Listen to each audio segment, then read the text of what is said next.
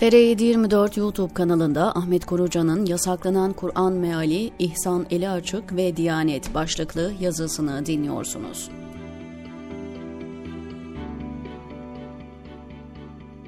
7 saatlik zaman farkı, gündelik hayatın telaşı, Türkiye gündemini zamanında takip etmeye imkan tanımıyor. İstanbul Sulh Ceza Hakimliği tarafından İhsan Eli Açık'ın Yaşayan Kur'an Nüzül sırasına göre Türkçe Meal Tefsir isimli kitabı hakkında basım, dağıtım yasağı ve toplatma kararı verilmiş geçen hafta. Zamanında haberim olsaydı bu yazıyı daha önce kaleme alırdım ilginçtir. Karara gerekçe olarak İslam dininin temel nitelikleri açısından sakıncalı unsurlar içermesi gösterilmiş. Bundan daha ilginç olanı söz konusu mahkemeye müracaatı Türkiye Diyanet İşleri Başkanlığı Hukuk Müşavirliği yapmış hangi yetkiyle diyebilirsiniz.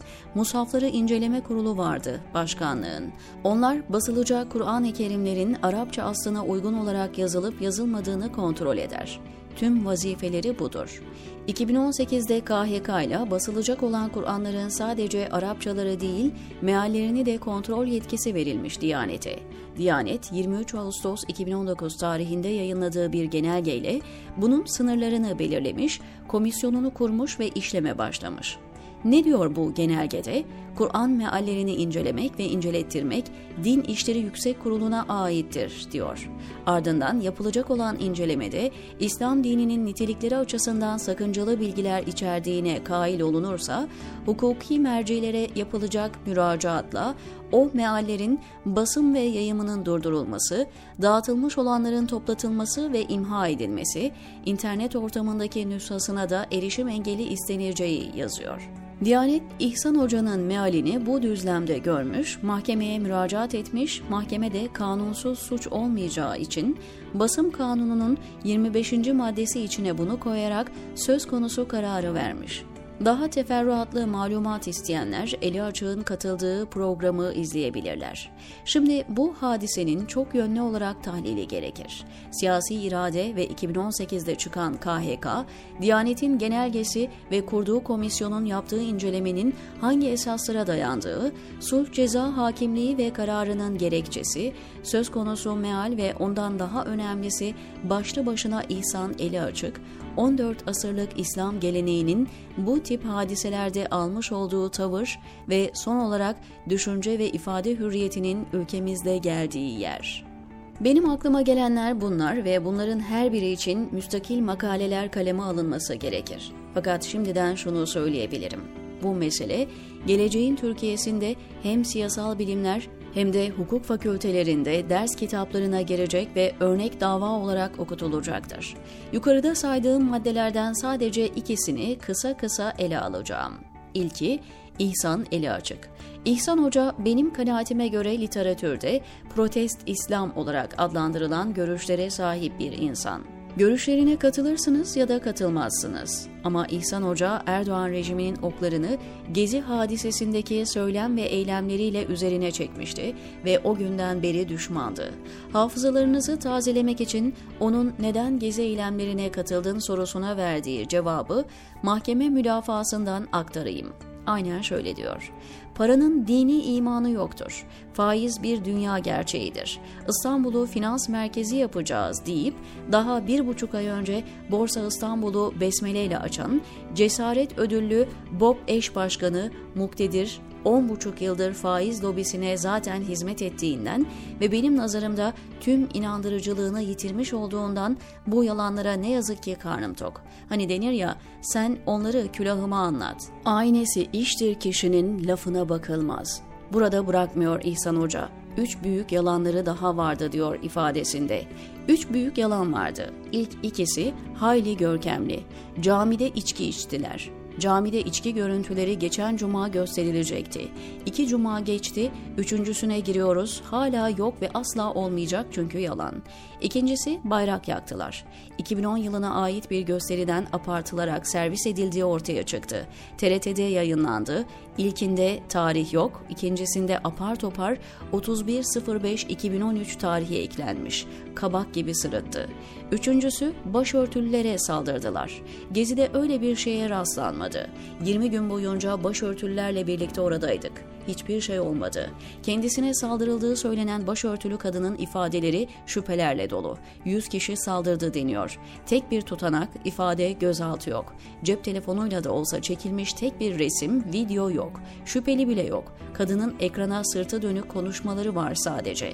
Bunlara nasıl inanacağız? İhsan Hoca için gezide başlayan bu süreç hızla devam etti. Yeryüzü sofralarına polis müdahaleleri oldu. İhsan Hoca polis tarafından yerlerde sürüklenerek gözaltına alındı. 15 Temmuz sonrasında muhalif pozisyonu devam ettirdi. O bir darbe değil operasyondur dedi. KHK ve cemaat mağdurlarına ve mazlumlarına sahip çıkan izalarda bulundu. Bütün bunlar kendisinden habersiz kuş uçmayan ve her şeyi iki dudağının arasına kilitlemiş Erdoğan'ın İhsan eli açığı düşman hatta terörist ilan etmesi için yetmez mi? Yeter de artar bile. Burada sorulabilecek en anlamlı soru neden şimdi? Cevabı açık bu sorunun. Herkes sırasını bekliyor. Demek ki İhsan Hoca sırasını savamamış. Önceki soruşturmalar, gözaltılar, davalar yetmemiş. Çünkü her defasında kaldığı yerden devam etmiş hoca. Duruşunu değiştirmemiş, susmamış, yalakalık yapmamış. Böyle olunca da kirli sarayın karanlık koridorlarında dolaşan vicdanı ölmüş, dünyevi menfaatinden başka hiçbir şeyi düşünmeyen yalakaların yaptıkları planların bir diğeri devreye sokulmuş. Gelelim Diyanet'e. İşin hukuki düzlemdeki teknik boyutlarını geçelim ve şuna bakalım. İslam dininin nitelikleri açısından sakıncalı bilgiler içerdiğine, Şimdi bu meali inceleyen ve ardından sakıncalı bilgiler içerdiğine kanaat getirip meseleyi sulh ceza hakimliğine intikal ettiren heyete soruyorum. Siz kimsiniz? Belki çok kaba bir dille olacak ama olsun. O heyet üyelerinin hepsine teker teker soruyorum. Sen kimsin? Bu sorunun cevabını bana değil, vicdanınıza verin.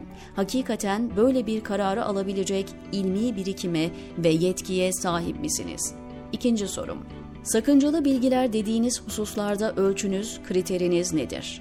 Öyle ya, sakıncalı dediğinize göre sakıncasız bilgileri biliyorsunuz demektir. Nedir o sakıncasız bilgiler ve bu konudaki ölçüyü kim belirlemiş? Haşa siz mutlak bilginin sahibi olan Allah mısınız? Yoksa bu kararınızla ondan rol çalan insanlar mı? Hani mutlak doğru Allah katındaydı?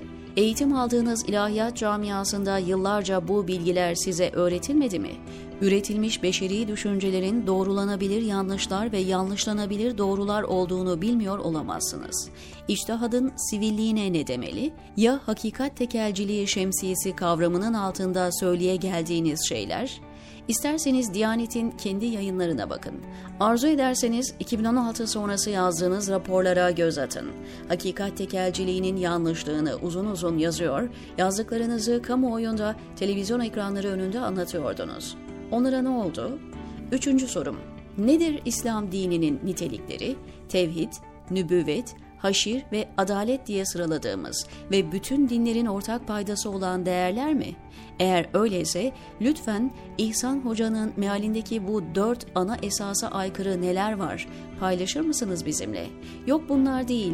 Mesela ahkam ayetleriyle anlatılan ve klasik ulemamızın değişmez ve değiştirilemez olarak dini bir hüküm olarak nitelendirdiği şeylerse o zaman sorayım. Hırsızlığın hükmü nedir dinimizde?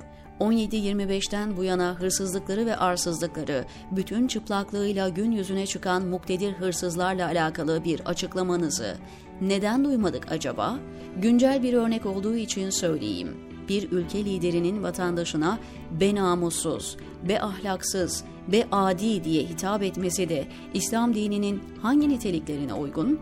Uygun değilse iyiliği emir ve kötülüğü yasaklama konusunda heyet üyeleri olarak size de bir görev düşmüyor mu? Daha bu hafta Fenerbahçe ve Beşiktaş stadyumlarında seslerini yükselten taraftarlar ölçüsünde sizin sorumluluk şuuruyla hareket edip oturduğunuz makamların hakkını vermeniz ve iki çift laf söylemeniz gerekmez mi? Neyse, polemiğe boğmayalım yazıyı. İşin aslına bakılırsa zihniyet planında çok köklü bir meseleyle karşı karşıyayız. Ortaçağ Avrupa'sında müşahede ettiğimiz Engizisyon'a doğru yürüyen bir gidişatın ayak sesleridir bunlar. Kilisenin dini değil, her türlü bilgiyi tekeli altına aldığı ve öğretilerine karşı çıkan herkesi giyotinlere teslim ettiği, sürgünlere gönderdiği bir döneme ilahiyat fakültelerinden felsefe dersleri kalkmalı denildiği zaman başlamıştı bu süreç. Belki de çok daha öncesinde. Liselerin imam hatiplere çevrilmesi de bu eksende düşünülen ve uygulamaya konulan planın bir parçasıydı. Halkımızın eğitim seviyesi arttıkça oylarımız yükseliyor diyen bir zihniyetten zaten daha başka ne beklenirdi ki? Cahilliğin bu topraklarda bu ölçüde kutsandığı bir dönem olmuş mudur bilmiyorum. Ama şimdi var hem de 21. yüzyıl AKP, MHP ve Perinçek Türkiye'sinde. Ve bu süreçte en acı olan da İslam dininin en temel umdelerine, geleneğimiz içindeki düşünce ve ifade hürriyeti uygulamalarına rağmen bu işe Diyanet'in aracılık etmesi. Yazı uzadı ama iki hatırlatmada bulunayım yetkililere. Reddiye geleneği ve tehafütül felasife. Başta da dediğim gibi, bana göre protest İslami görüşlere sahip olan İhsan Eli Açık'ın bütün görüşlerine katılmayabilirsiniz. Ama vermiş olduğunuz kararla kendi ellerinizle kendinizi rezil ve kepaze ettiniz.